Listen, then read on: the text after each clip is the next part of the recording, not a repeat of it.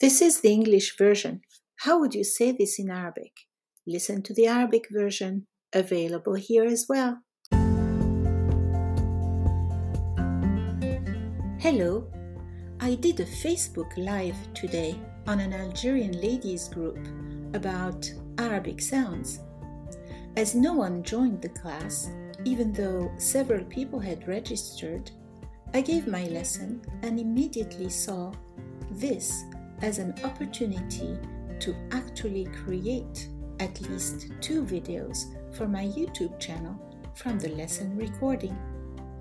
Do you quickly see the bright side?